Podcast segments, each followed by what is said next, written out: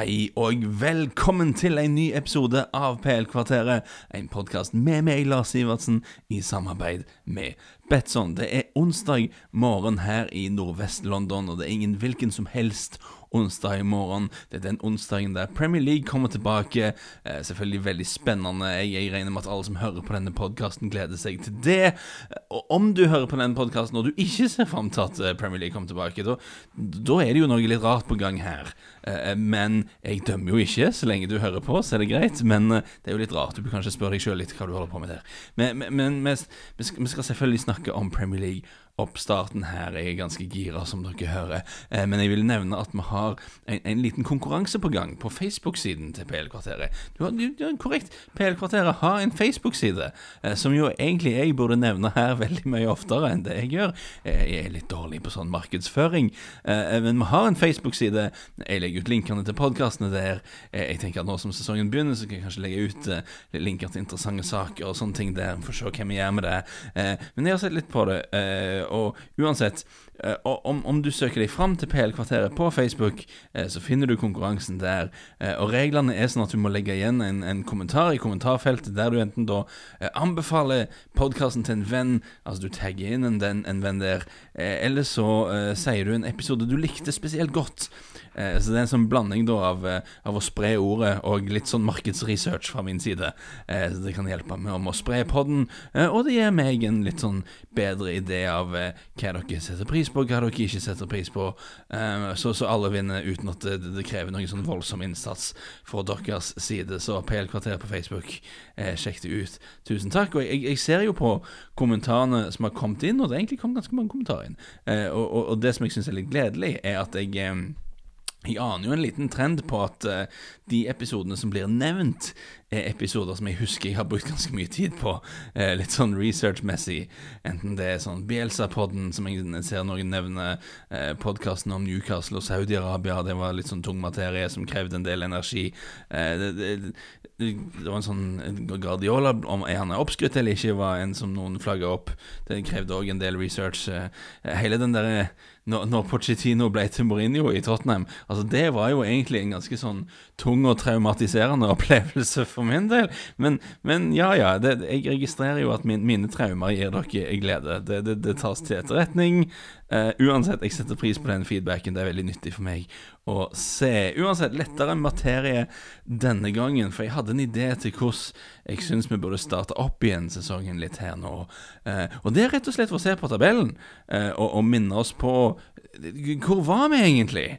Fordi en god fotballsesong Det er litt som en god bok, eller en god film, eller en god såpeopera, eller hva du vil. Du har liksom Du har plotter, du har sideplotter, du har karakterer, og, og, og, good guys og bad guys og alt sånt, og det, det tikker og går litt. Eh, og det er liksom opp og ned, og sånn. Husker du lærte litt sånn dramaturgi i, i norsktimene på skolen, at spenningen går opp og ned. Og, og sånn er det jo, da, at uh, stemningen kommer og kommer og går. Eh, men, men nå har det jo vært pause i 99 dager. Jeg slo det opp til 99 dager er vi på eh, siden sist det var Premier League-kamp. Um, og Da er det lett å glemme litt, hvor var vi egentlig i denne her boka. Du har lagt fra deg boka i 99 dager, du plukker opp igjen boka, husker ikke helt hvor vi var hen. Og jeg merker jo at uh, når jeg satte meg ned og så på dette her, så, så jeg hadde helt glemt hvor Bournemouth lå på tabellen nå. Hvor er Bournemouth egentlig? Uh, hvor, hvor, er Crystal Palace? Har de i det hele tatt noe å si? Så, sånne spørsmål må, man liksom, må vi ta opp, syns jeg. Altså Hvis dette hadde vært en, uh, en amerikansk TV-serie, da, så hadde du hatt en sånn voiceover-mann som sa previously, pre previously Kanskje han ikke hadde sagt i det toneleiet. Previously on the Premier League, eller et eller annet sånt. Og så hadde du fått en sånn, sånn liten sånn kort oppsummering av hvor er vi hen, og, og hva det går i. Altså, la, la denne podkasten da være oppsummeringen, tenker jeg. Det kan være noe. Eh, og, og, å ta for oss dette, så tenker jeg bare går gjennom lag for lag. Uh, og vi kan begynne på bånn. Vi begynner like godt på bånn med Norwich, som ligger på 20.-plass. om dere hadde glemt det, Norwich ligger på 20.-plass med 21 poeng. Og Norwich kommer til å rykke ned. Eh, det kan jeg si ganske sikkert. Og hvis du, eh, hvis du tenker at nå, nå, snakker jeg bare, bare drit, fordi at eh, Timo Pukki kommer til å liksom gå amok igjen, og Todd Cantwell kommer til å skåre mål i hver kamp, og det kommer bare til å ta helt av på Carra Road, så syns jeg dere bare stikker inn på Betson og setter penger på det, for det får du ganske gode odds på. Det er vel syv i odds, sjekk deg. på at Norwich overlever, så jeg tror ikke de gjør det. Um, men jeg syns jo da jeg, jeg, syns det vil være veldig sånn uh, dårlig stil å, å, harselere noe særlig med Norwich uh, for at de ligger an til å komme på sisteplass. Uh, dette er en klubb som som var i ganske dårlig stand økonomisk når de rykte ned. Eh, de hadde brukt en del penger, litt mer penger enn de kanskje burde bruke, og så rykte de ned, og så var det ikke så bra. Så de var nødt til å kutte, kutte ganske mye. Altså første, første, gang de prøvde å rykke opp igjen, så hadde de jo det høyeste budsjettet av noen championship-klubb noensinne. Klarte ikke å rykke opp igjen, og da begynte tallene å se ganske skumle ut. Eh, så de, de halverte vel lønnsbudsjettet sitt, eller noe sånt. De solgte solgte flere av de store stjernene sine. De henta liksom sånn mystisk gull fra sånne eh, løgne krinkelkroker av overgangsmarkedet, og henta folk ingen hadde hørt om, og sånn, og henta en manager ingen hadde hørt om, og så klarte de likevel å rykke opp. En utrolig jobb de gjorde i å rykke opp forrige sesong. Eh, Daniel Farke gjorde det glimrende der. Og når de først rykte opp, så eh, Jeg syns det er helt fair, jeg, når en klubb som Norwich, som har hatt de problemene de har hatt, rykker opp. Så istedenfor å liksom bare gutsa og bruke masse penger som de kanskje ikke har råd til å bruke på å prøve å holde seg oppe, så tenker de at ja, ja, ok, worst case scenario er at vi rykker rett ned igjen. Da, da, da får vi masse år med sånne fallskjermsbetalinger, sånn at vi er uansett ganske mye bedre stand enn vi var i. Så de, de, bare har De har brukt litt penger, men de har fortsatt å være veldig nøkterne, eh, og har bare akseptert at eh, det er det det er. Um, og, eh, og, men de hadde jo da en liten sånn periode i høst der det så der det så veldig bra ut, og Timo Pukki skåret masse mål og sånne ting, men eh, virkeligheten var vel at dette er et lag som, som kanskje ikke bør være i, i, Premier League. Og det er ikke noen skam i det, egentlig, å rykke ned. Altså, Norwich er ikke noen stor klubb. Eh, de har kommet, de har prøvd å spille bra fotball, det har ikke funka, de kommer til å rykke ned igjen. Eh, sånn, sånn er det. 19.-plass, Aston Villa. Aston Villa ligger på 19.-plass med 25 poeng. De ligger tre poeng under streken. Litt verre for Villa, for de gjorde på en måte det litt motsatte, da. Eh, de brukte veldig mye penger. Eh, men jeg vil da jeg, slo opp dette her nå for at jeg har skrevet litt eh, om dette temaet for en, til en blogg på, på Betson sine nettsider. Ifølge Transfermarkt, nettsiden, som er sånn tålelig god kontroll på overgangssummer. Det kan være noen der som er litt løgne, men jevnt over så holder de god oversikt. Dette med overgangssummer er jo litt sånn litt sånn diffust hva som blir publisert, og hvor korrekt det er, og bla, bla, bla. Men iallfall, ifølge Transfermarkt, som er en sånn ok oversikt over overgangssummer, så var det bare Real Madrid i, i verden som hadde større enn utlegg netto på overganger forrige sommer. Kun Real Madrid som var mer i minus på overganger enn Aston Villa forrige sommer, altså, eller, ikke bare forrige sommer, med januar inkludert. Og, og, det er ganske vilt når du tenker deg om. Jeg vil da bare formilde de omstendighetene litt ved å påpeke at Aston Villa var på en måte nødt til å gjøre en del. Eh, når de rykte opp, så hadde de vel eh, jeg tror det var 14 spillere som forlot klubben etter de hadde rykket opp. 14 eh, A-lagsspillere. Fordi de hadde en stall der det var mange spillere som var på lån. Eh, og det var mange spillere som var litt gamle, som var på utgående kontrakter, som de ikke var noe Det virka ikke smart å fornye dem, iallfall. Så, så de, møtte, de, måtte nesten handle nytt lag, Aston Villa. Og da, når du har nyopprykka klubb som skal handle nytt lag og klare seg i Premier League, da, blir det ganske stort utlegg, da. Og eh, hvis de hadde holdt seg, så hadde kanskje ikke det virka så gale, men ja, nå ligger de på 19.-plass. De har to poeng opp til trygg grunn, så de har jo sjans fortsatt. Jeg er litt skeptisk. De avslutta vel eh, de avslutta før koronapausen, så har de fire strake tap. Skal spille mot Sheffield United nå i dag, det som blir en veldig interessant kamp. Jeg har en følelse av at Villa rykker ned. Eh, de, de, er offensive. De har skåret 34 mål. Det er jo ikke så gale. Det, det, er flere mål enn Sheffield United har skåret, og Sheffield United er på sjuendeplass. Så, så det er jo ikke så gale framover. Men de slipper jo inn De slipper inn flest mål i hele Premier League så langt denne sesongen. Det er noe litt ustrukturert over det de holder på med. Det henger ikke så godt sammen. Eh, så jeg, jeg tror nok de rykker ned til slutt. På 18.-plass her har vi da svaret på hvor Bournemouth er, og det, jeg, ble, jeg ble litt sånn tatt Var det så dårlig? Jeg var faktisk ikke klar over at Bournemouth var så langt nede i sumpa. De er der på 18.-plass på 27 poeng. Uh, Eddie Howe, som liksom um, Altså, Nå skal ikke jeg drive og sage Eddie Howe. Han har gjort en fantastisk jobb med å ta Bournemouth opp ved å stabilisere dem i Premier League. Eh, men han har på en måte Det som jeg er litt lei av, er at han er sånn Å, Eddie Howe, han er så undervurdert. Men jeg synes hvis absolutt alle sier at han er undervurdert, da kan han jo ikke være undervurdert lenger. Det, det er jo ikke sånn det ordet fungerer. Eh, jeg, jeg, tror ikke han er overvurdert heller. Jeg tror bare han er vurdert. Eh, hvis det er noe vi kan si. Jeg tror man har et ganske realistisk forhold til hvor flink Eddie Howe er. Han har gjort en veldig fin jobb. Uh, det virka på meg som om den, denne sesongen her at de prøvde å være litt mer uh, stabile defensivt. At de ikke har angrepet lik De har ikke vært fullt så yolo som før. Uh, og det har vel kanskje ikke kledd de så veldig godt. Samtidig så har de vært veldig uheldige med skader og sånn. De er jo ikke nede ennå, men at de er helt nede på 18.-plass nå, er litt ille. Så Bournemouth er jo selvfølgelig ikke noen stor klubb, men de har vært i Premier League, er fire sesonger nå. De bruker faktisk litt penger. Siste sånn regnskapsår vi har skikkelige tall fra, så hadde vel Bournemouth det tolvte største lønnsbudsjettet i Premier League. Så de skal jo ikke ligge og kave nede i, nede i sånn 18.-plass og sånn, de, men igjen, de har hatt skadeproblemer jeg håper egentlig de klarer seg. De, de spiller stort sett altså, litt mer defensivt i år, men stort sett offensivt.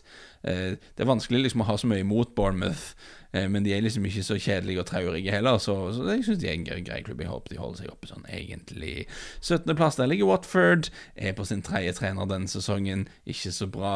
Eh, ting kollapsa for Havi Gracia ganske plutselig, sånn i høst. De henta inn Kiki Sanchez Flores, det var ikke vellykka. De sendte Kiki Sanchez Flores hjem igjen og gikk for Nigel Pearson, eh, som det er noen som gir Nigel Pearson veldig mye av æren for at Leicester vant serien, og så er det noen som gir han litt mindre av æren for det. Men han er iallfall en sånn Han er en litt sånn stein på stein-coach, eh, og det har du sett i Watford òg. Han har stabilisert forsvaret, gjort de vanskeligere å slå. Eh, de har en del eh, kjappe fra Ismail Yazar, Gerard Delofeu, sånne folk som kan, som kan skade deg på overganger og sånne ting, så de har blitt vanskeligere å ha med å gjøre, Watford, og de tok en del poeng over, over jul, som gjorde at de ikke er så fortapte som de så ut. Men så litt sånn dupp i formkurven igjen på nyåret, som gjør at de plutselig er i trøbbel igjen. Um, jeg tror at Watford egentlig skal ha nok kvalitet til å holde seg, men uh, litt sånn faresone der. Westham er på 16.-plass. Westham er på 16.-plass med like mange, eller like få poeng da, som Bournemouth. På 18.-plass kun to poeng over 19.-plass er Westham. Og det er sånn, det hadde jeg egentlig helt glemt at det var så gale. Jeg hadde en sånn vag følelse av at dette har ikke vært en bra sesong for Westham, men jeg hadde faktisk helt glemt at de var så langt nede. Og um, det har jo mye å gjøre med Ok, ting gikk skeis uh, under, under, Pellegrini, men de har heller ikke fått den oppsvingen uh, man kanskje hadde håpet på da de henta inn, uh, inn David Moyes. Og jeg, jeg, koste meg litt med det, kanskje det var litt ufint av, av meg, da, men når David Moyes Når han ble ansatt i, i Westham igjen nå, så var han Altså, han, var, han, var, skikkelig offensiv på pressekonferansen. Han kan, jo lese sitatet her. Han sa I think there's only two or three managers with a better Premier League win record. That's what I do. I win, sa han. Uh, og Jeg så litt på dette. her Jeg gikk på en nettside som heter Statbunker. Jeg regner med at de har tallene sine på plass. Og jeg sorterte liksom Premier League-managere etter, etter poengsnitt per kamp i, i Premier League. Og så telte jeg ikke med de som åpenbart var sånne caretakere, eh, sånn midlertidige.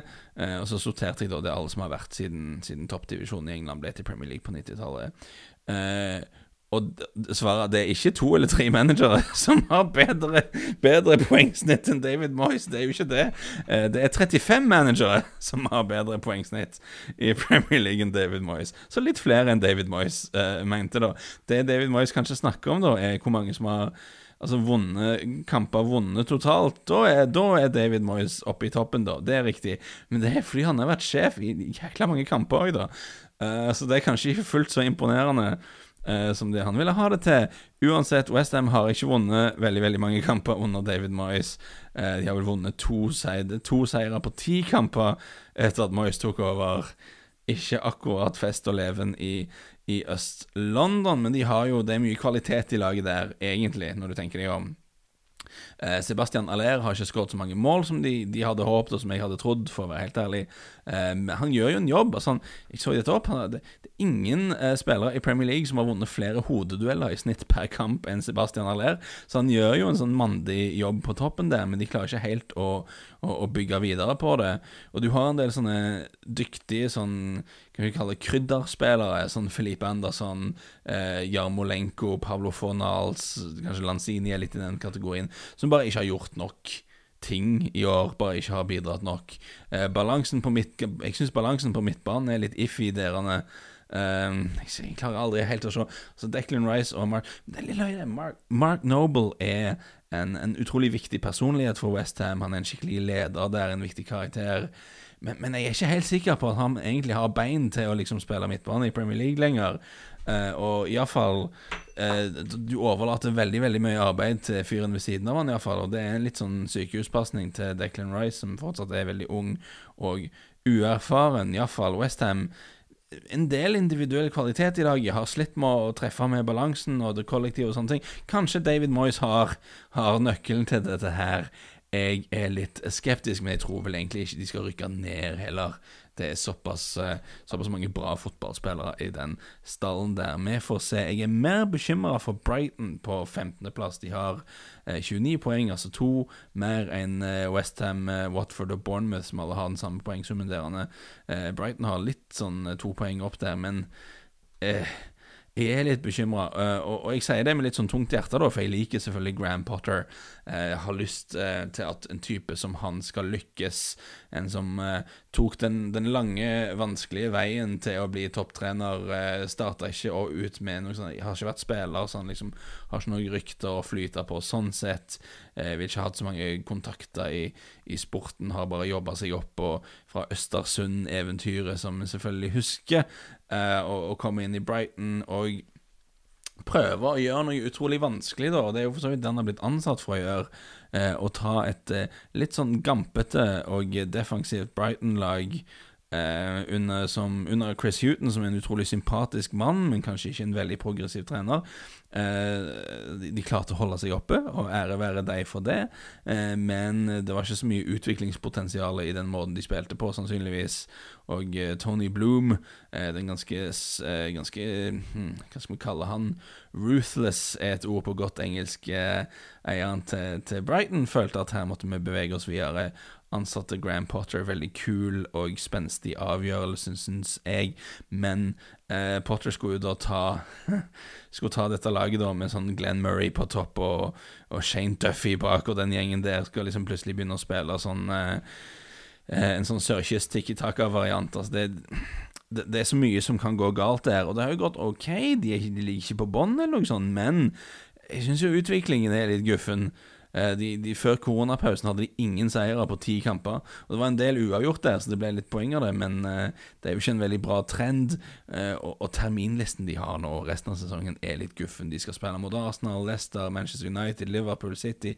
De, de, har vanskelige kamper, og jeg, jeg, jeg, registrerer jo da Siste kampen denne sesongen skal de spille borte mot Burnley, og jeg kan jo nesten ikke se for meg noe mer nedbrytende enn at uh, Sean Dyche sitt Burnley, som ikke har noe som helt å spille for, da bare knuser Knuser Brighton med masse langpasninger til Smashley Barnes og, og sender de ned igjen med championship, med alle de fine idealene deres om å spille seg ut bakfra og sånne ting. Her kommer Ashley Barnes ned i championship med dere. Litt bekymra for at det skal gå den veien for Brighton. Jeg krysser fingrene for at jeg tar feil.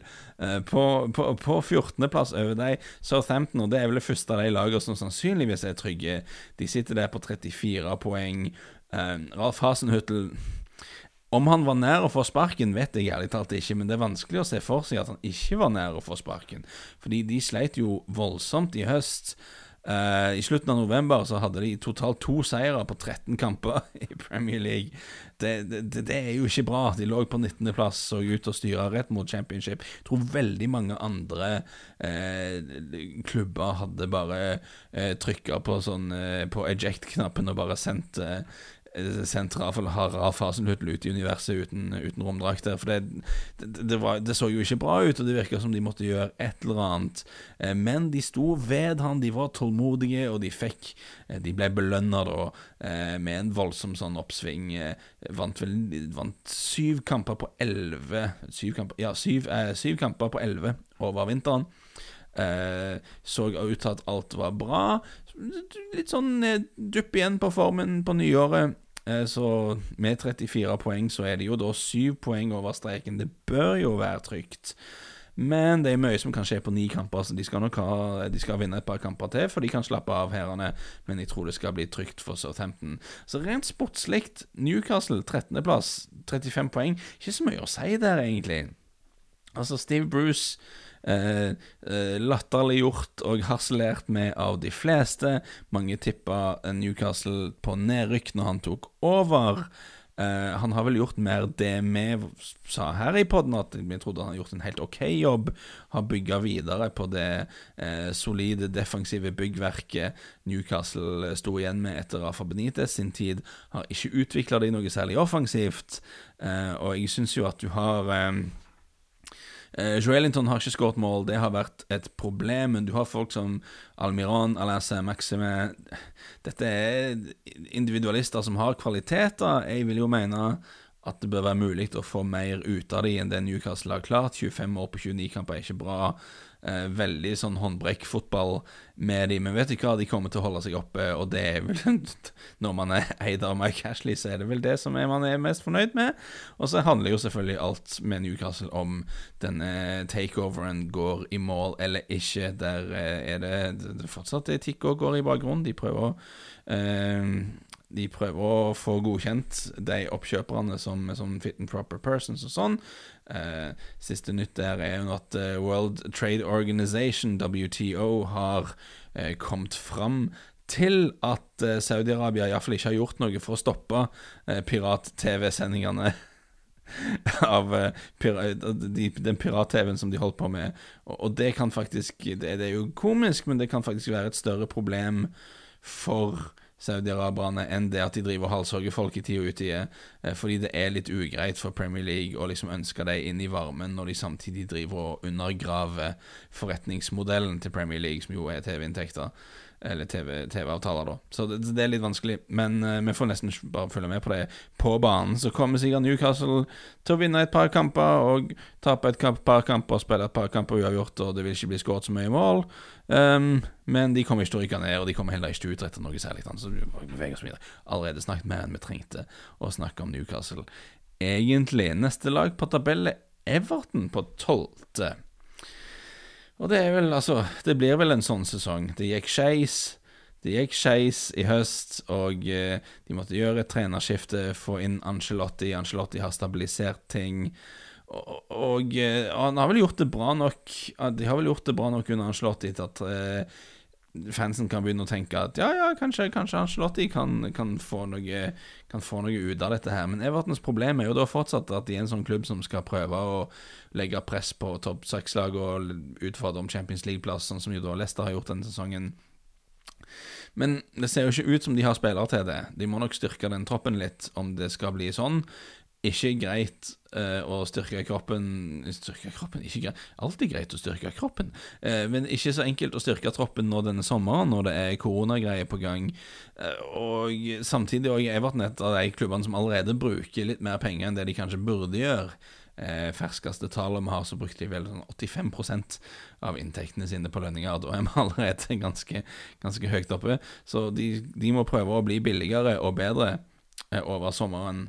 Og dette er jo da ting som, som har mer med selvfølgelig mer med rekruttering og eh, en, å gjøre en Angelotti og det som skjer på banen. På banen kommer de til å ro inn til en sånn helt safe midt på tabellen-plassering. Og med tanke på hvor gale det var i høst, så jeg vil si at det er bare det er et helt greit utfall. Eh, det er ikke det verste som kunne ha skjedd denne sesongen. På ellevteplass Crystal Palace ligger på ellevteplass. Fordi, altså, fordi Roy Hodgson altså Det er jo det, det han gjør. Han har tatt et lag som altså tippa jeg de Jeg tror ikke jeg tippa de på nedrykk, da, men, uh, for de har jo Roy Hodgson, og Roy Hodgson rykker jo ikke ned. Men du, du ser jo på dette laget og tenker at det er ganske begredelige greier her. Altså. Det, er ikke, det er ikke mye stas. Men, uh, men det er jo det Roy Hodgson gjør. Han tar eh, spillergrupper der du har sånne solide, litt kjedelige, men pålitelige typer, og så, så former man de til en, til en enhet som, som, som, gjør det mye bedre enn det man forventer. Og det er ikke alltid så stas å se på. Eh, de har skåret 26 mål på 29 kamper. Det er jo liksom ikke til å ta helt av av Eh, men, men der er de nå på ellevteplass. De er et poeng under øvre halvdel av tabellen. Det er jo helt fantastisk når du ser på spillermaterialet sånn egentlig. Så det er bare all ære til Roy Hodgson. Altså. Han gjør det han gjør, år ut og år inn. Han ser ut som ei ugle. I det hele tatt eh, bare velstand i, i, i Palace. Og på tiendeplass, der ligger Burnley. Burnley ligger på tiendeplass. Uh, og, og, og, de er liksom de, de, er seg selv like. Sean Dyshit Burnley Det er ingen, ingen, grunn til å endre på oppskriften. Oppskriften funker jo. Hvis du ser på tall Jeg så litt på tallene her, da. Uh, det, det, er ingen lag som slår færre uh, accurate short passes. og det er heller ingen lag som slår flere inaccurate long balls. Det er ingen lag som har lavere pass completion percentage, men det er òg heller ingen lag som vinner flere hodedueller. Så det er sånn, det Tallene forteller alt det du trenger vite om Burnley, og det er jo ikke alltid så um, Det er ikke alltid så utrolig spennende å se at, at ballen uh, spretter hit og dit på, på Turfmore, men altså det, det, det, det gjør jobben, og det er jo faktisk vi har kanskje blitt litt vant til det, for det er ikke første sesongen de holder på sånn, men Burnley har fortsatt et av de minste budsjettene i divisjonen, da. Sånn at de er der de er, det, det, det er jo imponerende. Og jeg, jeg, klarer ikke Altså, jeg klarer liksom ikke Fotballelskeren i meg jeg er ikke så veldig sånn Syns ikke det er så stas med Daish. Det er ikke så kjekt å se på, og det er ikke så spennende å følge med på. Men du må jo selvfølgelig bare ha masse respekt for det de har, det de har oppnådd, og at de er der likevel. På niendeplass finner vi Arsenal. Med en kamp til gode, selvfølgelig, men likevel at Arsenal ligger ett poeng over Burnley, er jo ikke bra.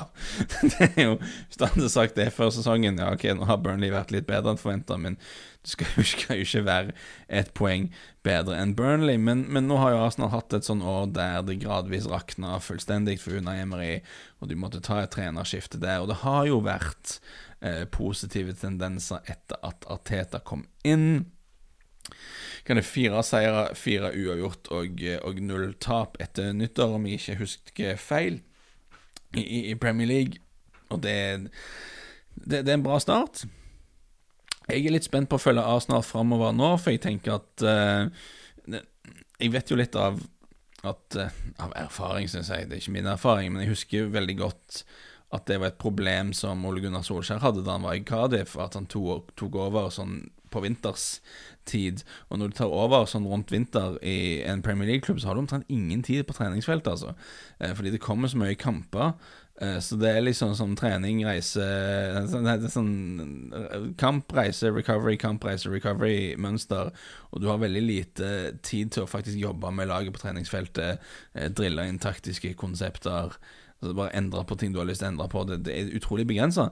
Så jeg tenker For Ateta sin del, du har allerede sett at han har begynt å trykke litt på knapper og, og, og få litt orden på ting. Man har kanskje ikke sett noen tydelig Arteta-stil, eh, men kanskje vi får mer av det nå, da, når han har hatt litt pause til, til, å gruble og analysere og se hva som har skjedd, og har fått en liten sånn nesten som en slags preseason med laget. Så jeg er veldig spent på å se Arsenals kamper nå framover.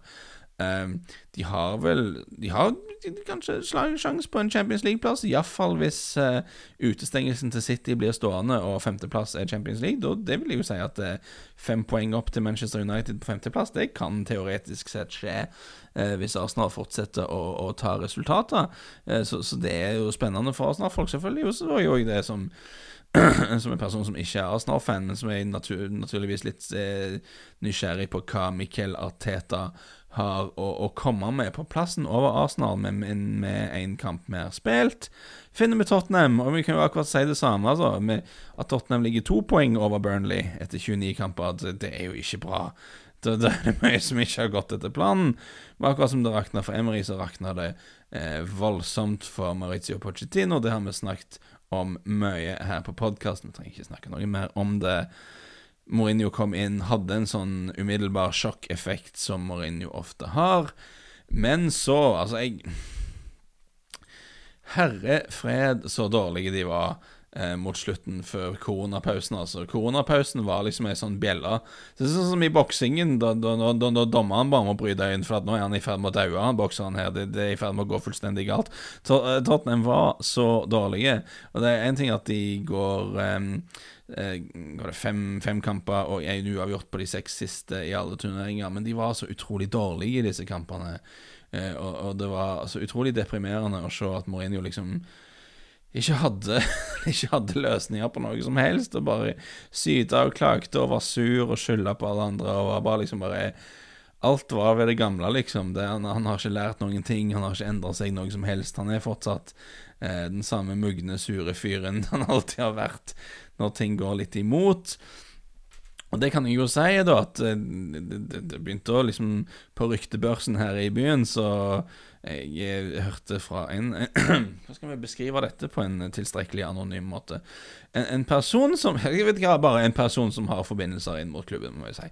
Så jeg trenger ikke gjøre det mer komplisert enn det, som sa at uh, det er allerede mange Tottenham-spillere som ikke, ikke, ikke, vil ha noe med Mourinho å gjøre, og ikke, ikke liker han i det hele tatt. Um, Uh, om, om, det er forbundet med oppførselen hans nå når det gikk dårlig, eller bare om det er bare generelt, det, det, det, vet jeg ikke.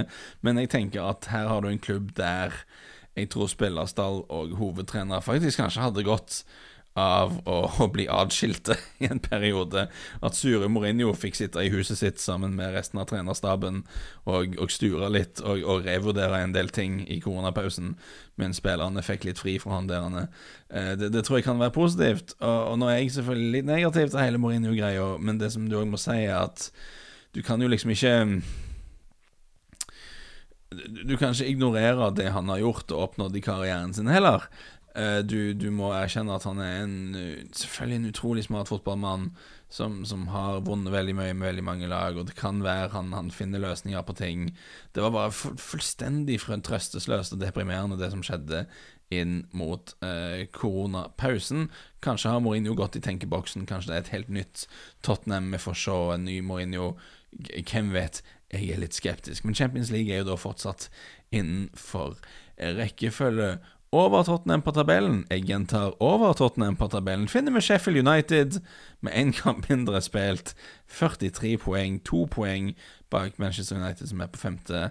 Eh, foreløpig fem poeng bak Chelsea på fjerdeplass, men femteplass kan jo ende opp og må være nok for Champions League, så i aller høyeste grad med i Champions League-kampen Sheffield United. Eh, det, er jo helt fantastisk.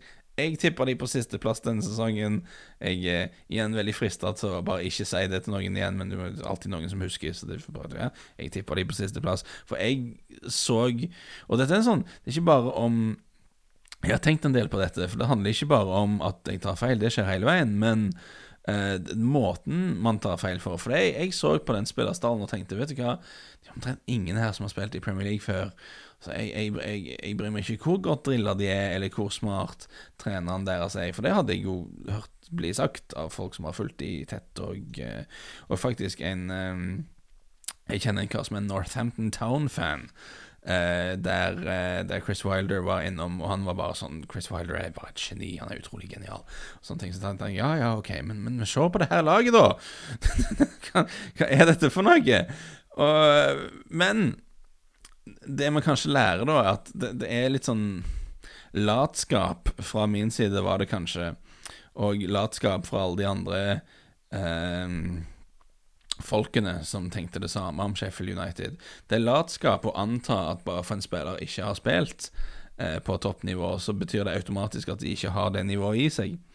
Det, det, er jo ikke en logisk slutning, egentlig. Det betyr bare at vi ikke har sett de prøver. Og veldig ofte vil det bety at de ikke har det i seg, for det er jo et meritokrati i fotballen, du vil jo som regel bli snappa opp. Men det er en del som har da karrierer som havner litt sånn på Som havner litt på ville veier.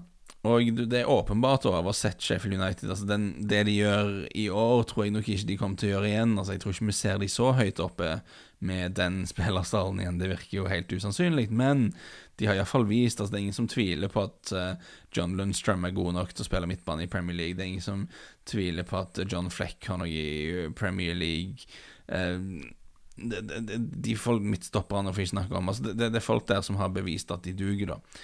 Og, og det var feil Eh, åpenbart var det feil, men det var òg prinsipielt feil eh, å avskrive dem på grunnlag av at vi bare ikke har sett dem på dette nivået eh, før. Det, det, var latskap fra min side, intellektuell latskap.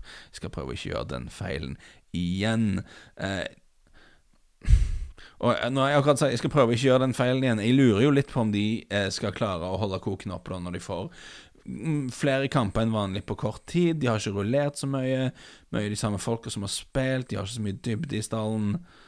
Men vet du hva, her har du et lag da som har gjort irrasjonelle ting og bevist at vi tar Alle skeptikere tar feil. Det har de vist gang på gang på gang. på gang Hvorfor skulle de ikke fortsette med det?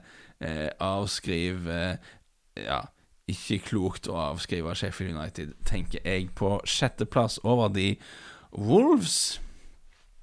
Og Wolves er gode, selvfølgelig. Det tror jeg vi var inne på før sesongen, at Wolves er et, eh, et godt organisert, skikkelig eh, fotballag. Men så begynte det så skeivt, da.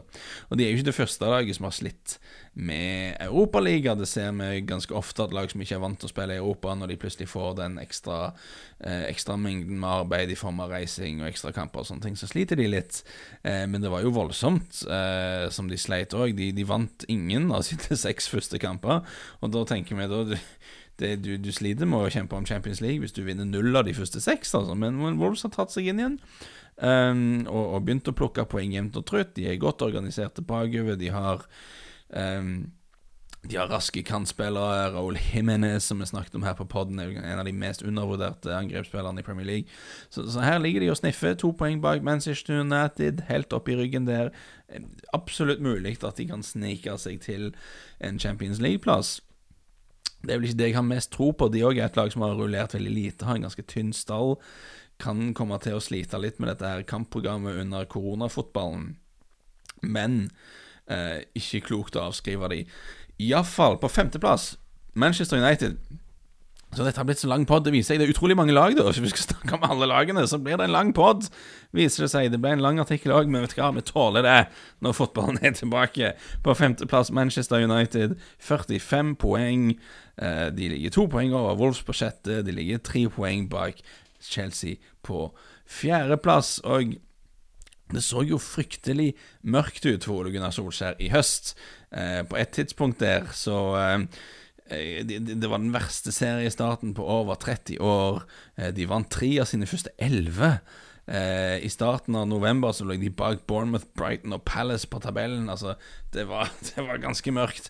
Og jeg er vel fortsatt litt på, altså, på gjerdet, er feil uttrykk. Jeg er fortsatt ikke helt overbevist. Men vet du hva, det må du si. Uansett hvor du havner eh, i Solskjær-diskusjonen, så står det jo respekt av måten han på en måte har stått støtt i det som har vært en tidvis ganske brutal storm. Og, og han, har, han, har, vært der, og han har fått utrolig mye kritiske spørsmål på pressekonferanser. Og mange, som har tvilt på han, og sikkert mange internt i spillergrupper som har begynt å tvile litt på opplegget. Det vil jeg tro. Men, men, de har da gradvis klart å, å, få kontroll på ting og begynt å plukke resultater. Og jeg tror, tror Bruno, Bruno, Fernandes selvfølgelig har hatt mye å si, men før det så har du nøkkelkamper da, som de klarer å vippe i sin favør. Og eh, nå etter Det føltes veldig da med Bruno Fernandes jeg vet, han spilt, jeg vet han ikke har spilt så mange kamper for dem nå, men det føltes veldig som noe bare falt på plass da når han kom. For han tilførte de så mye som de har mangla, i form av det med å liksom kunne, eh, kunne finne åpninger. Altså, de, var, de var jo gode i kamper der de kunne ligge og kontre, men de sleit eh, mot etablert forsvar. Når de måtte finne løsninger, så ofte veldig planløse ut. Eh, Bruno Fernandes umiddelbart kom inn og tar på seg en sånn hærførerrolle. Er ikke alltid spillbar, eh, prøver å finne konstruktive løsninger. Er ikke redd for å slå eh, vanskelige pasninger, ikke redd for å feile, ikke redd for å ta mye langskudd. Akkurat den typen sånn eh, hovmestertype de hadde bruk for. Spennende å se hva de skal gjøre, om de kan få han og Paul Pogba til å fungere sammen. Jeg tror det kan, tror det kan funke. Det blir interessant å se om, eh, om Poggen er klar og motivert. Det må nesten bli en egen pod, egentlig. Vi kan snakke i minst minst halvtime, halvtime 20 minutter bare på Pogba. Kanskje vi skal gjøre det, kanskje vi ikke skal gjøre det. Uansett, Manchester United de er der på femteplass. Det kan være nok til Champions League. De har også sjanse til å klare fjerdeplass. De ligger jo bare tre poeng bak Chelsea nå, har en fin, fin terminliste. Alt ser liksom ut som det har falt litt på plass for Solskjær nå. Spennende, spennende å se. Chelsea på fjerdeplass. Chelsea starta jo sesongen kanonbra eh, og så ut som dette her skulle bli Eden Mard, og de skulle ta en Champions League-plass enkelt, og kanskje til og med kunne snuse litt på gullkampen der, sånn som de holdt på i høst. Eh, men så har det blitt eh, ganske, noe ganske annet. Jeg så litt, Det er fortsatt litt fascinerende. De eh, hva var det si, På de første tolv kampene så vant de 8-2 uavgjort og to tap. Så det er jo bra start. Men så på de neste 14 vant de kun fire, da. Så det snudde veldig. Og eh, jevnt over så er jo dette en positiv første sesong vil jeg jo si av Frank Lampard. Du har gitt masse spilletid til de unge spillerne. Mange av de har vist at de har noe på dette nivået å, å gjøre. Du har spennende spillere på vei inn, i form av Hakim Ziyech, som jeg, jeg, er veldig fan av. Eh, Timo Werner er sannsynligvis på vei inn, så framtiden er jo lys for Chelsea. Men har vært en del rusk i, i maskineriet der. I de syv siste kampene i Premier League før koronapausen så sto Chelsea med to tap, tre uavgjort og to seire. Eh, hvis de fortsetter å vingle så mye med resultatene, så tror jeg fort de kan miste den Champions League-plassen. For de har en del litt sånn sultne klubber bak seg som, som har vært i OK form, og, og, og, kanskje kan være enda farligere nå. Så de, de må på jobb nå, Chelsea.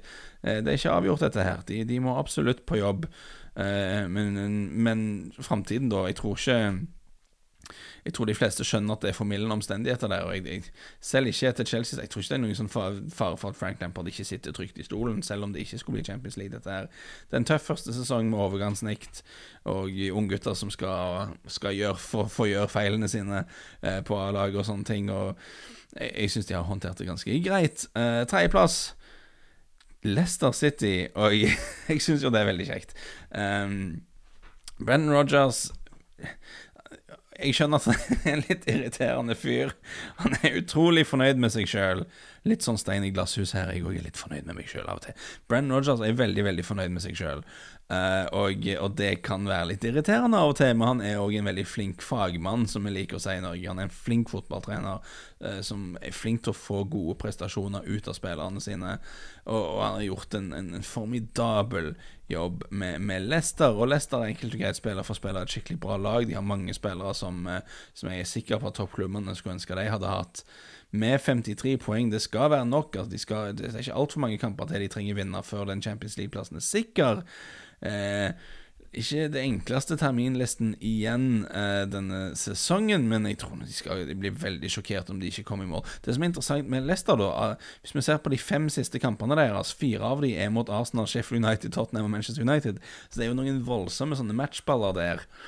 Eh, så det kan jo bli litt ekkelt for dem hvis de får en sånn skikkelig formsvikt. Så er det noen voldsomme sekspoengere som, de må, som de må manøvrere i, i, i, land. Men jeg blir veldig veldig sjokkert om, om Leicester ikke klarer å ro i land den plassen. Manchester City har jo egentlig ikke noe å spille for, men jeg tenker de skal Tenker de er megafokuserte og motiverte inn mot eh, avviklingen av Champions League, som skal skje i august på en eller annen måte.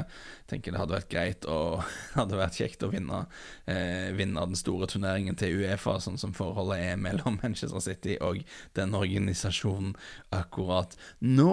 Eh, Pep Guardiola og kanskje et eksempel på en spillergruppe og en manager som ikke hadde vondt av å ta litt sånn pause fra hverandre, tenker jeg. Han er en ganske intens fyr, Pep. Har vært der i en del år nå med mange av de samme spillerne. Ja, kanskje det var greit å få litt sånn pusterom der. Og interessant at han har henta inn Juan Malillo Juan Malio er det vel kanskje, siden det er, itali siden det er italiensk Siden det er spansk og to L-er og sånne ting. Juan Malio, eh, som er en sånn tidligere eh, trener-mentor-type eh, for han, som han så veldig opp til når han var yngre. Han har henta han inn som da assistent og sparringspartner. Tror det er lurt å få på en måte friske ideer, men som på en måte òg er aligned med, med, filosofien til Guardiola. Jeg tenker det er greit. Spent på å å se det, men jeg tror at selv om de ikke kan Selv om de ikke kommer til å ta igjen Liverpool, og selv om det ikke er noen stor fare for at de blir tatt igjen, eh, så tror jeg vi får se et, et offensivt og hissig eh, Manchester City nå i sesonginnspurten. Og til slutt, vet du hva, jeg kommer ikke til å si noe særlig mer om Liverpool i denne poden, fordi det har blitt en fryktelig lang pod. Vi har satt ny tidsrekord igjen, dere, men òg allerede sagt masse om Liverpool. Kommer til å si mye mer om Liverpool.